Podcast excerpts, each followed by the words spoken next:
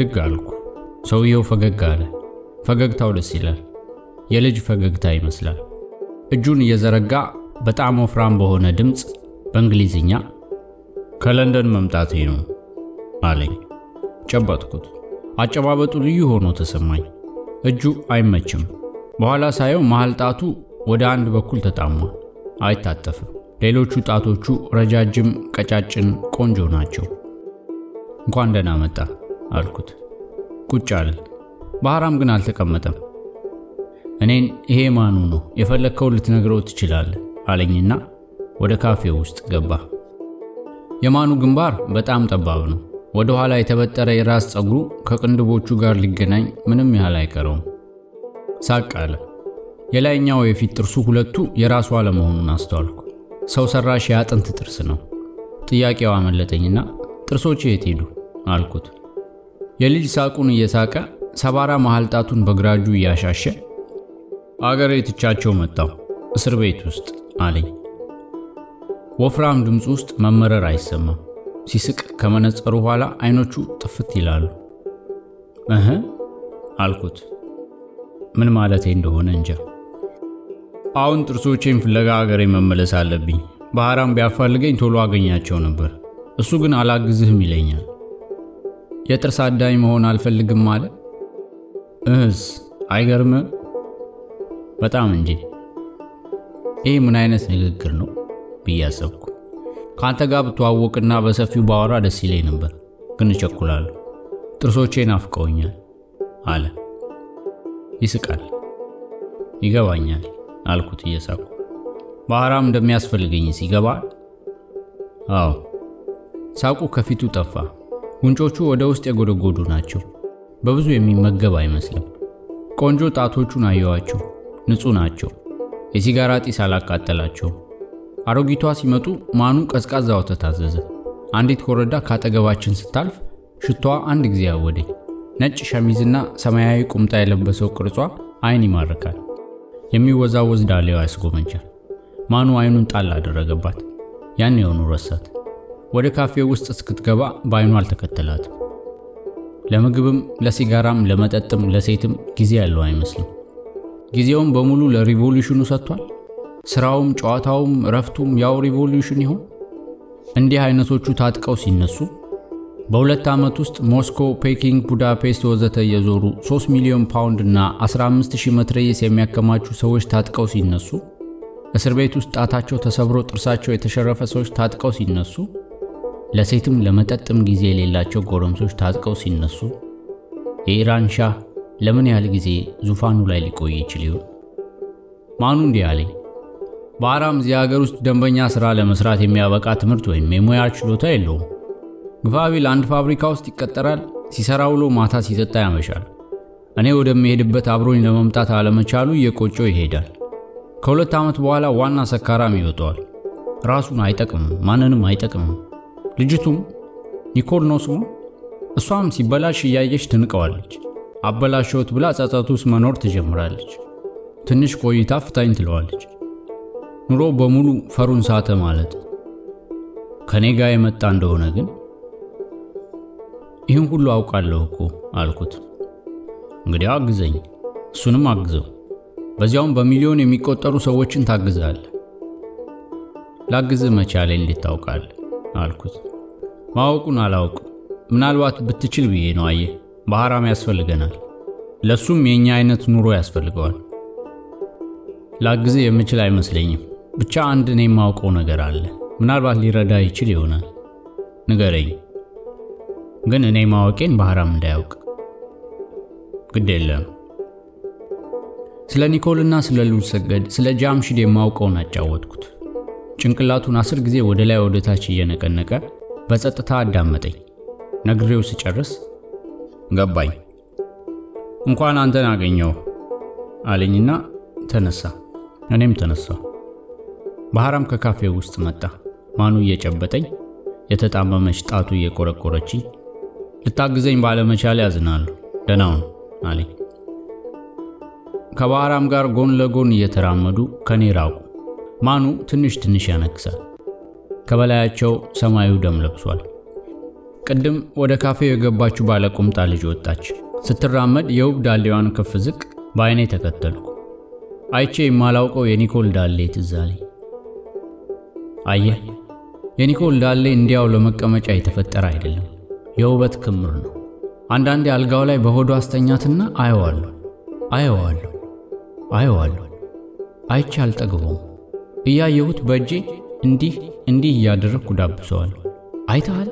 አይተህልኛል? የኒኮልን አይኖች፣ አረንጓዴ የውበት ሐይቆች፣ የሐዘን ሐይቆች። አቤት አይኖቿ ውስጥ ያለው ሐዘን ሲያምር! የኒኮል ውበት ለባህራም እንዲህ ጎልቶ ይታየው ይሆን? እንግዲያው ከኒኮልና ከማኑ ማን ያሸንፍ ይሆን? ለመሆኑ የዚህ የማኑ ዓለም ውስጡ እንዴት ያለ ይሆን? የመጠጥ ሙቀትና የኮረዳ ትኩሳት የሌለበት ዓለም አይቀዘቅዝም? ወይስ ቀይ የሪቮሉሽን ኮከብ ዘላለማዊ የሳጥናኤል ኮከብ ንጹሕ ሙቀትና ውበት ትኩሳት ይሰጠው ይሆን? እነ ካስትሮ፣ እነ ሆቺሚኒ፣ እነ ማኦ በወጣትነታቸው እንደማኑ ነበሩ ወይስ እንደ ባህራም ነበሩ? ግን እንደ ባህራም ቢሆኑ ኖሮ እንደ ኒኮል ያለች ውብ ኮረዳ ግማሽ መንገድ ላይ አታስቀራቸውም ነበር? ወይስ ግርማዊው የሳጥናኤል ኮከብ በቀይ ብርሃኑ ከሩቅ ሲጠራህ ከለስላሳ የሴት ልጅ ጭን ሙቀት ወጥተህም ቢሆን ጥሪውን ማክበር አይቀርም። እስቲ እናያለን። ቀዩ ሰማይ እየጠቆረ ሄደ። ካፌው ውስጥ መብራት በራ። ሌላ ቢራ አዘዝኩ። ስለ ኒኮል ማሰብ ጀመርኩ። በጨለማ አልጋ ውስጥ ተቃቅፈን እጄን ሙታንቲዋ ጠርዝ ላይ ሳሳረፍ ትዝ የፍትወት ትኩሳት ጀመረኝ። ያን ሰሞን እርግዝናው አፋፍቷት ከመቼም የበለጠ ታምር ነበር። በበጋው ሙቀት በዝግታ ስትራመድ የግብረ ሥጋ እመቤት ትመስል ነበር። ባየኋት ቁጥር ምኞት ያንቀጠቅጠኝ ነበር። ለመሆኑ ማኑን ስለ እነ ልዑል ሰገድ ያጫወትኩት ለምን ኖሯል? ባህራም ሄዶ የሚወደውን revolution እንዲቆሰቁስ ነበር ወይስ ሁለቱም ነበር? ማታ አምስት ሰዓት ተኩል ላይ ከሲኒማ ስወጣ ሲልቪን በሩ ላይ አገኘኋት። ሳያት ከመጠን በላይ ደስ አለኝ። ፈራሁ። እችን ልጅ እንዴት አድርጌ ልለያት እችላለሁ? ፈገግታዋ ልቤን አሞቀው። የተዘረጋ ቀኝ እጇን በግራ እጄ ተቀብዬ እያሻሸው እንዴት ታምሪያለሽ አልኳት። ዛሬ ከኔ ጋር ማደር ትፈልጋለህ? በጣም ታዲያ እንቅልፍ አልፈልግም። እኔም አልፈልግም። መኪናዋ ጋራዥ ገብታ ስለነበር ወደ ቤቷ ስንራመድ ትከሻዋን እያቀፍኩ እንዴት አገኘሽኝ አልኳት። እየሳቀች ሲቴ ሄጄ አጣሁ። ስለዚህ ሲኒማ ቤት ሳይሆን አይቀርም አልኩ። የኢጣሊያ ፊልም የሚታይበት መሆን አለበት አልኩ። በሸርሎክ ሆልምስ ዘዴ ነዋ አልኳት። እየተራመድን ዳሌዋ በአንዱ እርምጃ እየተጠጋኝ በሌላ እርምጃ እየራቀኝ እየራቀኝ እየተጠጋኝ እየራቀኝ የጫማዋ ኳኳታ እየተሰማኝ ደስ ይለኛል አለችኝ። እየሄድን እጅህን ራሴ ላይ ስታሳርፈው በኃይል ደስ ይለኛል። እጅህ ከክፉ የሚከልለኝ ይመስለኛል፣ የሚባርከኝ ይመስለኛል። ካንተ ጋር ባልሆንኩ ጊዜ ሳስብ መጀመሪያ ትዝ የሚለኝ እጅህ ራሴ ላይ ሲያርፍ ነው። እየተራመድን እጇን ሳምኩት። አሁን የሳምከው የተራ ሰው እጅ እንዳይመስልህ አለችኝ። የደራሲ እጅ ነው፣ የውብ ደራሲ እጅ ነው አልኳት። እውነቴን እኮ ዛሬ ከኤዲሲዮን ግራሴ ደብዳቤ ደረሰኝ። አስራ ሦስቱ አንተ የመረጥካቸው አጫጭር ታሪኮቼ በአንድ መጽሐፍ ተጠቅልለው Treize de Sylvie ተብለው ሊታተሙ ነው። ውሸትሽን ነው። መጽሐፉ ለሚመጣው ጸደይ ይወጣል። ማርሴይ እንሂድ አልኳት። ለምን? ይህን ግሩም ቀን ማክበር አለብን። ይገባሻል? እንግዲያው እኮ ስምሽ ከነ ፍራንስ ሳጋን ከነ ኮሌት ጋር ሊጠራ ነው። ቀስ ብሎ ከነ ፍሎበርት ከነ ፕሩስት ከነ ማርሎ ጋር ይጠራል። ይመስልሃል? እርግጠኛ ነኝ አልኳት። እንዴት ጥሩ ነው። ብቻ እንዳልኩሽ የመሰለሽን ሁሉ ሳትፈሪ ጻፊው። አልፈራም፣ በጭራሽ አልፈራም። እንደሱ ነው። አሁን ማርሴይ እንሂድ። የለም ቤቴ እንሂድና በሩን ቆልፈን ራቁታችንን ወጥተን እንደ አንዱ ቀን እንስሳ እንሁን። በኃይል ናፍቀኸኛል። ከኤክስ ወጣ እንዳልን ባህራም ሰውየውን የገደለው እዚሽ ጋር ነበር አለች። ትንሽ ሄድ ካልን በኋላ እኔ እዚች ጋር ነበርኩ። ከዚያ ቤትሽ ወሰድሽው። እየተጠጋችኝ አዎ አለች። ከዚያስ? ከዚያማ የሆነውን ነግሬህ የለ የነገርሽኝ በሙሉ እውነት ነበር? አዎ። ባህራም ግን እኔ ነኝ በብዙ ተለማምጬ እሺ ያሰኘዋት እንጂ እሷስ እምቢ ብላኝ ነበር ነበር ያለኝ። ውሸቱን ነው። ለምን ይዋሻል አልኳት። እንዳያጣላን ፈርቶ። አንቺ አለመዋሸትሽን በምን አውቃለሁ? እኔ ለምን ዋሻለሁ? ታውቀኛለህ? ስንትና ስንት ጉድ አውጥቼ ነግሬህ እዚች ላይ ውሸት እነግርሃለሁ ይመስልሃል? ከዚያ በኋላ ተገናኝታችሁ ታውቃላችሁ? የለም። ምን ነው እምቢ ያልሽው ወይስ እምቢ ያልሽ? ሁለታችንም ተው ለምን? እሱ ለአንተ ሲል ይመስለኛል። አንቺስ? እኔም ለአንተ ስል ይመስለኛል፣ ግን እርግጠኛ አይደለሁም። እንዴት? ተለውጭ ያለው መሰለኝ። ወንድ መሄድ ሱስ መሆኑ ቀረ። ሱስ መሆኑ ቀረ እንጂ መደረጉ ግን አልቀረም። መደረጉማ ለምን ይቀራል? የስሜት ደስታ አይደለም እንዴ? ይህን ጊዜ ቤቷ ልንደርስ አንድ መቶ ሜትር ያህል ቀርቶን ነበር። ታሻሸው የነበረው እጄን ልቀቅ አደረገችና ማን ይቅደም ብላ ትታኝ ሮጠች። እንዳልቀድማት ብዬ ጫማዬን በኃይል እያስጮኩ ተከተልኳት። እሷ እየጮኸች እኔ እየሳኩ ቤቷ ጋር ስንደርስ በሩን ቀድማኝ በእጇ ነካችው። ቀደምኩ አለችና በሩን ተደግፋ ቁና ቁና ትተነፍስ ጀመር። ጉንጮቿን በእጄ ይዤ ግንባሯን ሳምኩት። እንደዚህ ለዋውጠኸኝ በኋላ ያለ አንተ እንዴት ልሆን ነው አለች። በኃይል አሳዘነች። ሆዴ ሽምቅቅ አለ። ወደ እኔ አስጠግቼ ራሷን እየደባበስኩ እንድተውሽ አትፈልጊም እንዴ አልኳት። አልፈልግም እያለች በጣም ተጠጋች። ራሷን አንገቴ ውስጥ ሸሸገች። እንባዋ አንገቴን ነካኝ። እኔም ልተውሽ አልፈልግም የኔ ቆንጆ፣ አልተውሽም፣ እስከ መቼውም አልተውሽም፣ ምንም ቢመጣ አልተውሽም አልኳት። ፈራለሁ፣ ካንተ መለየቱን ሳስበው ፈራለሁ። አንተ አገር ትሄድና ከዚያ በኋላ እንገናኝም። እስከ መቼም አላይህም፣ በቃ ለዘላለም። ውይ እቀፈኝ። መኖር እንዴት አስቸጋሪ ነው። አይዞሽ፣ አንለያይም የኔ ሲልቪ፣ አንለያይም፣ አንለያይም። አይዞሽ፣ አታስቢ። አሁን እንግባ። አልጋ ውስጥ ላይ ላይ ያደረኳትና ጀርባዋን አንገቷን እየደባበስኩ ብዙ ጊዜ ከቆየን በኋላ አሁን ተለያይተን በወዲያኛው ሕይወት የምንገናኝ እንኳን ቢሆን ምናልባት እችለው ነበር አለች። ግን መለያየቱ ለዘላለም ሲሆን አንድ ጊዜ ከዚያ በኋላ ለዘላለም ለዘላለም እስከ መቼም የማንተያይ ስንሆን ያስፈራኛል ብላ ተጠመጠመችብኝ። አይዞሽ አንለያይም፣ አንለያይም። በሩ ተንኳኳ። ድንግጥ አለች። አይዞሽ አይዞሽ አልኳት። በሩ እንደገና ተንኳኳ። ማን ነው በይ አልኳት። ማን ነው አለች ጮክ ብላ። ባህራም። ድንጋጤዋ ወደ ብሽቀት ተለወጠ። እየተነጫነጨች ተነስታ የሌሊት ካፖርቷን ራቁት ገላዋ ላይ ጣል አድርጋ መቀነቱን እየታጠቀች ሄዳ በሩን ከፈተች። ባህራም ይቅርታ በዚህ ሰዓት ስላስቸገርኩ እያለ ገባ። ጥቁር ሱፍ ልብስና ውሃ ሰማያዊ ሸሚዝ ከደማቅ ሰማያዊ ክራቫት ጋር ለብሷል። ጺሙን ተላጭቶ ከጎንና ጎን የበቀለው ሽበት የእርጅና ምልክት መሆኑ ቀርቶ ልዩ ጌጥ መስሏል። የድል አድራጊነት ፈገግታ የሚጨፍርበት ፊቱ ወጣትነትን ለብሷል። መጥቶ የተጋደምኩበት አልጋ አጠገብ ወንበር ላይ ሲቀመጥ እንዲህ ዘንጤ ልትሄድ ነው አልኩት። ሲልቪ መታ ከጎኔ አልጋ ውስጥ ገባች። አገሬ መግባቴ ነው አለ። ምን? ልሰናበታችሁ ነው የመጣሁት። መሄድ ነው በቃ አለች ሲልቪ። አዎ ቆይ እስኪ ላምጣልህ ብላ ከአልጋው ወጥታ ወደ ወጥ ቤቱ ሄደች።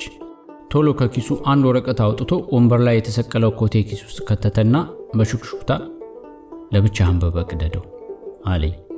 ለአንተም ላምጣልህ አለች ከወጥ ቤቱ። ለእኔም ለአንቺም አምጪ አልኳት። ይዛ መጣች። አልጋ ውስጥ ገባች። ውስኪውን አነሳሁና ባህራምን መልካም ጉዞ አልኩት። ውስኪያችንን አለ። ከመሄዴ በፊት ጥቂት ልነግርህ የሚገባኝ ነገር አለ አለ። ሲልቪ ትታ ልትሄድ ስትል ከአንቺ መደበቅ ያለበት አይደለም አላት። እሺ አልኩት። ብዙ ልነግርህ በፈቀድኩ፣ ግን አብዛኛው የኢራን ኮሚኒስት ፓርቲ ሚስጥር ነው። አንተን አምናለሁ፣ ግን ፓርቲው እንድነግርህ አይፈቅድልኝም። ይገባኛል። ምንም መናገር የለብህም። አውቃለሁ። ሁለት ነገር ብቻ በጠቅላላው ባጭሩ ልንገርህ። እሺ። ሁለት ዓመት ሙሉ ቤይሩት ነበርኩ፣ ግን ዩኒቨርሲቲ ውስጥ የሕክምና ትምህርት አልተማርኩም። ሌላ ሥራ ነበረኝ። በቅርብ ምስራቅ ያሉትን የኢራን ኮሚኒስቶች አደራጅ ነበር። በሌላ በኩል ደግሞ ከሻህ ሰላዮችና ከሲአይኤ ረዥም ጦርነት ስናደርግ ነበር። ሲአይኤ ሊገለኝ ሲሆን ነው ቱዴ ወይም የኢራን ኮሚኒስት ፓርቲ እንድሸሽ ያዘዘኝ። ወደ ኤክስ መጣሁ። እውነተኛ ስሜን ልነግርህ አልችልም፣ ግን ባህራም አይደለም። ባህራም አፍሻሃር ቤይሩት ዩኒቨርሲቲ ውስጥ ሕክምና ይማር ነበር። በእሱ ስም የውሸት ፓስፖርት አውጥቼ ነው። ቤቶች ይህን ያውቃል? ታላቅ ወንድሜ ያውቃል። ስም በቀየርኩ ቁጥር አዲስ ስሜን በደብዳቤ እነግረዋለሁ። ከቤት ገንዘብ ሲላክልኝ እሱ በአዲስ ስሜ ይልከዋል። እዚህ ላይ አንድ ሌላ ነገር የምነግርህ አለ። ምን? ደጋግመህ መልክህ የኢራን ሻህን ይመስላል ብለኛል። እውነት ግን ነው። ሻህ የሥጋ ዘመዴ ነው። አጭር ዝምታ። ላሳየኝ ጓደኝነትና ለዋልክልኝ ውለታ ላመሰግንህ አልችልም። ስለዚህ ሳላመሰግን መሄዴ ነው አለኝና ተነሳ። በቁሙ ውስኪውን ጨልጦ ብርጭቆውን ኮሞዲኖ ላይ አኖረው። ልሸኘው ካልጋ ልነሳ ስል አትነሳ፣ ማኑ እዚህ ውጭ ይጠብቀኛል። አብረኝ ብትመጣ ያለቅስብኛል። እሱ ሁልጊዜ እንደተጠነቀቀ ነው። ወዴት በኩል እንደምንሄድ እንድታውቅ አይፈልግም። ይስቃል። ማኑን ስለሚወደው ይስቅበታል። ከማኑ ጋር ለመሆን በመቻሉ ደስ ብሎታል። ወጣትነቱን እንደገና አግኝቷል። እጄን ዘረጋሁ። ጨበጠኝ። በእኔ በኩል ተንጠራርቶ ሲልቪን ሳማት። ሊሄድ ወደ በሩ በኩል ከዞረ በኋላ ለመሆኑ አልኩት። ዞረ። ፊቱ ላይ ፈገግታ የለም። የኢራንን ሻህ ይመስላል። አፍንጫው ትልቅ ነው። ለመጀመሪያ ጊዜ ሳገኝ ሶስት አሜሪካኖች ይዘው ሊደበድቡ መጀመራቸው ነበር አልኩት። አባ ለያንኪስ አለኝ። አባ አልኩት። ሰዓቱን አየ። ቸኩሏል። ሊደበድቡ ይዘው ሳለ ማኑ ያስተማረህን የመከላከያ ዘዴ ለምን አልተጠቀምክበትም? አልኩት። ተማሪዎች ይሁኑ የሲአይኤ ሰዎች ቢሆኑ ያን አይነት የአምባጓሮ ዘዴ ማወቄን ካወቁ በሐራም አለመሆኔን ይጠራጠራሉ። ለዚህ ነው። በሉ ደናውኑ፣ ማኑ ይጠብቀኛል። ደናውኑ አልነው ሁለታችን። ቀይ ኮከብ ለዘላለም ይኑር አለኝ። ጓደኝነት ለዘላለም ይኑር አልኩት። ቪቫ አልኩት። በፈጣን እርምጃው እየተራመደ በሩ ጋር ደረሰ። መለስ አለ። አሁንም የድል አድራጊነት ፈገግታ ወጣት ፊቱ ላይ እየተጫወተ ሳልነግራችሁ ረስቼ አለ። ያን ጊዜ ሊገለኝ ተገዝቶ የመጣውን ሰውዬ ማን እንዳስመጣው ታውቃላችሁ? ማንም ቢያስመጣው የእኔ ሞት በፋሽስቶቹ ላይ መላከኩ አይቀርም ነበር። ይልቁንም አስመጪው ቀስ ብሎ ኮሚኒስቶቹ ተማሪዎች መካከል ይህን ኖሬ የነዛው መሆኑ ነው። ገባችሁ? በእውነቱ ግን ነፍሰ ገዳዩን ገዝቶ ያስመጣው አንድ የሻህ ሰላይ ነበር። ማን ይመስላችኋል? ማን አልነው ሁለታችን። ሳቀ። ደስ የሚል ወጣት ሳቁን ሳቀ። ጃምሽድ ጓደኛችን የሻህ ሰላይ ነበር። እንዲህ ተቃቅፋችሁ ደስ ስትሉ እንግዲህ ባሰብኳችሁ ቁጥር እንደዚህ ሆናችሁ ነው የምትታዩ። እንዴት ቆንጆ ነው! መቼም እንደማትለያዩ ተስፋ አለኝ። አቤት እናንተ የምትወልዱት ልጅ ይታየኛል፣ እንደ ካስትሮ ያለ ጀግና ነው የሚሆነው። ደህና ልጆቼ። እጁን አወዛወዘልን። ወደ እኛ እያየ በሩን ከፈተ። ወጣ። በሩን ዘጋ። ከሕይወታችን ወጣ። ሁለታችንም እንወደው ነበር፣ ግን ሲለየን በጣም አላዘንም። ብቻውን እንዳልሆነ እናውቃለን። ውጪ ጨለማ ውስጥ ጓደኛው እንደሚጠብቀው እናውቃለን። ሁለቱንም 20 ሚሊዮን ሕዝብ እንደሚጠብቃቸው እናውቃለን። ይሂዱ። መንገዳቸውን የሳጥናኤል ኮከብ ያብራላቸው።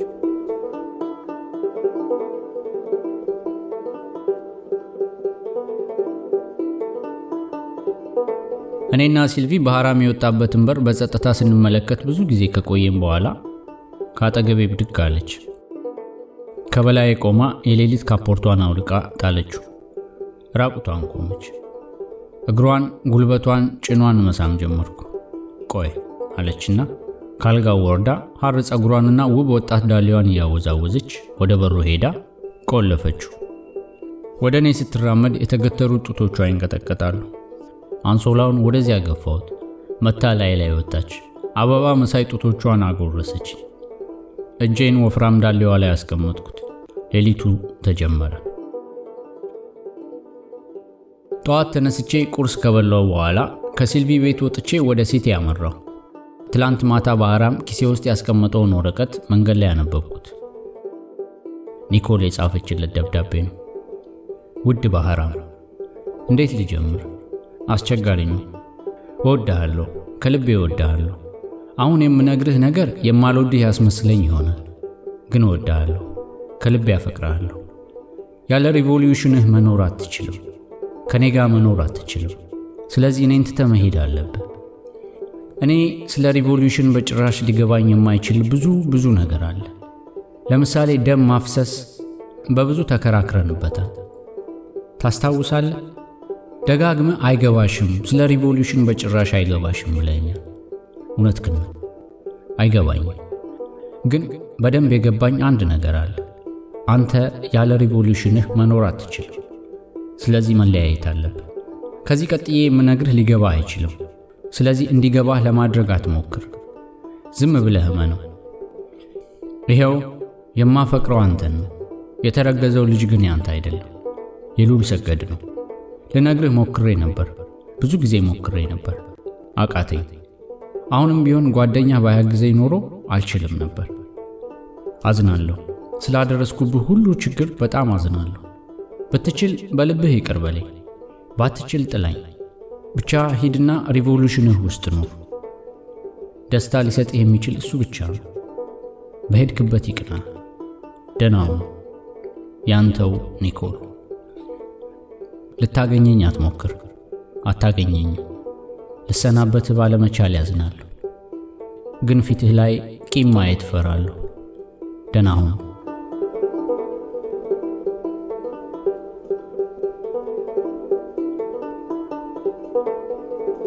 ይህንን ደብዳቤ ሦስት ጊዜ አነበብኩት። ኒኮል ለምን ጻፈችው ይሆን? ቀደድኩት። ቁርጥራጮቹን በተንኳቸው።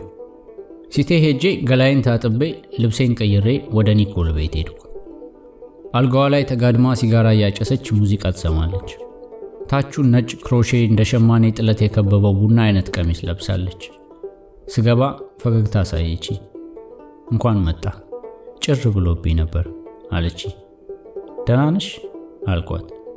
ደህና ነኝ፣ በጣም ደህና ነኝ፣ ግን ሰው ማየት አልፈልግም። እባክህ በሩን ቆልፈው። ቆልፌው ስመጣ የተጋደመችበት አልጋ ላይ እንድቀመጥ በእጇ አመለከተች። ጥፍሮቿ ሐምራዊ ተቀብተው ያብለጨልጫሉ። ተቀመጥኩ። አየዋት። በጣም የተለወጠች መሰለኝ። ከንፈሮቿ እንደ ጥፍሮቿ ሐምራዊ መሳይ ቀለም ተቀብተዋል። ቅንድቦቿን ወደ ሰማያዊ የሚወስድ ጥቁር ቀለም አድምቋቸዋል። ከግንባሯ ንጣት ጋር ሲታዩ በጣም ያምራሉ። የአይኖቿ ቆዳ ልክ አይኖቿን የሚመስል ውሃ አረንጓዴ ኩል ተቀብቶ አይኖቿ ውስጥ ተነክሮ የወጣ ይመስላል። ከመጠን በላይ አምሮባታል። ከጥንት ግብፃዊት ጋር ያለው መሰለኝ። ፀጉሯ እንደ ድሮ አመዳም አይደለም፣ ንጹሕ ቡናማ ቀለም ተነክሯል። ምን ነካሽ አልኳት። ምን ነው እንደዚህ የምታምሪ አይመስለኝም ነበር። ሜርሲ። እውነት ምንድን ነው አልኳት። እንደዚህ ነኝ። ሳዝን ሰው እንዲያውቅብኝ አልፈልግም። አሁን ያዘንኩ መስላለሁ? በጭራሽ። ለዚህ ነው አይኔን የተኳልኩት ፀጉሬንም የተነከርኩት። አዝነሻል? እንደዚህ ያዝኛ አላውቅ። ሲሄድ ደነው አላለ? አዎ። የጻፍኩለትን አሳየ? አዎ። ለምን ጻፍሽው? እንዴት እንደ ጻፍኩት ልንገር? ንገሪኝ። ከትላንትና ወዲያ ማታ እንደዚህ ተጋድሜ ሙዚቃ ስሰማ አንድ ሰውዬ መጣ። መልኩ ሰው ይመስላል እንጂ እንደኔና እንዳንተ ህዋሳት ውስጥ ደም እንደሚፈሰው ልምልላ አልችልም። ምናልባት ከነሐስ የተሰራ ሰው ሊሆንም ይችላል። ረዥም ቀጭን ነው። መነጽር ያደርጋል። ግንባር የለውም። ከአይኑ ቀጥሎ አናቱ ይመጣል። ድምፁ ወፍራም ከመሆኑ የተነሳ ከሆዱ እንጂ ከጉሮሮ የሚወጣ አይመስልም። ጠልተሸዋለ? መጥላት አይደለም፣ ፈራሁት። ቀፈፈኝ። አየ ገባና በወፍራም ድምፅ ኒኮል ማለት እርስዎ ኖት አለኝ። ነኝ አልኩት። ጥሩ፣ እኔ ከኢራን ኮሚኒስት ፓርቲ ተልኬ የመጣው ነኝ። ታዲያ እኔ ከኢራን ኮሚኒስት ፓርቲ ምን አለኝ? እርስዎ አይናገሩ፣ ጊዜ የለኝም አለ። ድምፁ በጭራሽ አይለወጥም። ምንም ነገር ሲናገር በዚያው በወፍራም ድምፅ ነው። የኢራን ኮሚኒስት ፓርቲ ባህራምን ይፈልገዋል፣ በጣም ይፈልገዋል። እኔን ፓርቲው ልኮኛል ከትእዛዝ ጋር ባህራምን ይዘውና ወይም ገለው ተመለስ ተብያለሁ። ግደለው? ለምን አልኩት።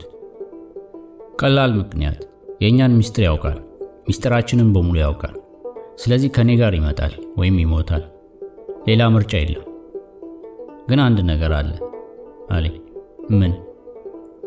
ባህራም አልመጣም የሚለው በእርሶ ምክንያት ነው። እርሶ ባይኖሩ ይመጣል።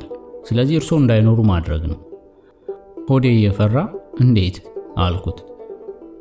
መግደል አለኝና ከኪሱ አንድ የታጠፈ ጩቤ አውጥቶ ጫን ሲለው ጩቤ በብልጭታ ክፍት አለ። ይመልከቱ አለኝና ያንን የኢራን ሻህ ስዕል አመለከተኝ። ባህራም ነው እዚያ የለጠፈው። ልተኛ ስልና ልነሳ ስል ሻህ እንዲታየኝ ይፈልጋሉ ብሎ ለጠፈው። ግድግዳው ላይ የኢራን ሻህ የማዕረግ ልብሱን ለብሶ ቆሞ በቀለም የተነሳው ትልቅ ፎቶ ተለጥፏል። ለምሳሌ ሻህ እርስዎ ኖት፣ ጉሮሮውን ይመልከቱ አለና ጩቤውን አወረወራት። የሻህ ጉሮሮ ላይ ስክት አለች። ሰውየው ወደ ስዕሉ ሄዶ ጩቤውን ነቀልና አጥፎ ኪሱ ከተተ።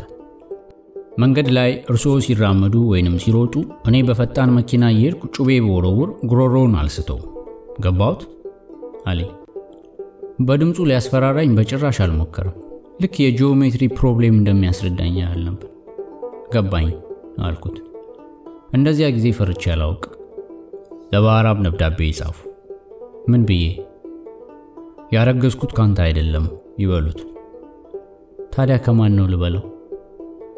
እንደፈለገው። ለምሳሌ ከጃምሽድ ወይም ከሉል ሰገድ ነው ቢሉት ይችላሉ። እነሱ ሊጠይቃቸው አይችልም። እሺ አልኩና ደብዳቤውን ጻፍኩ።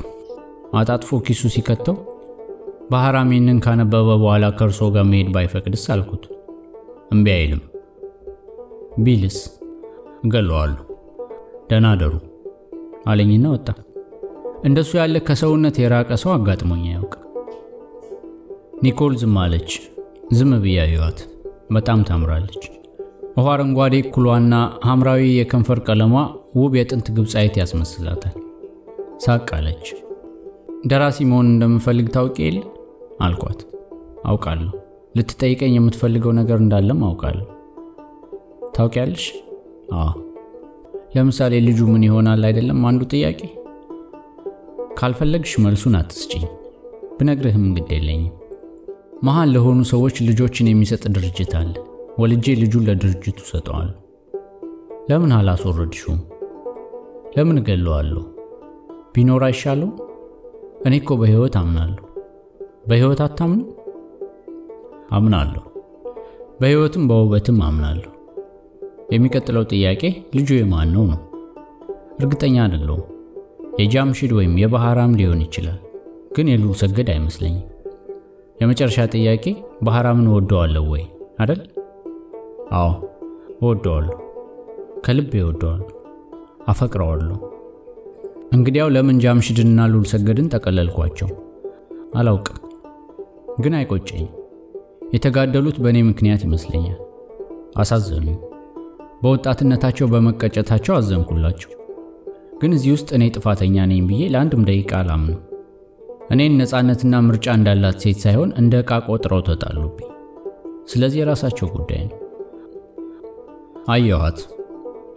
ስለምንም ነገር ግድ የሌላት በጣም ጠንካራ፣ በጣም ቆንጆ ሴት ናት።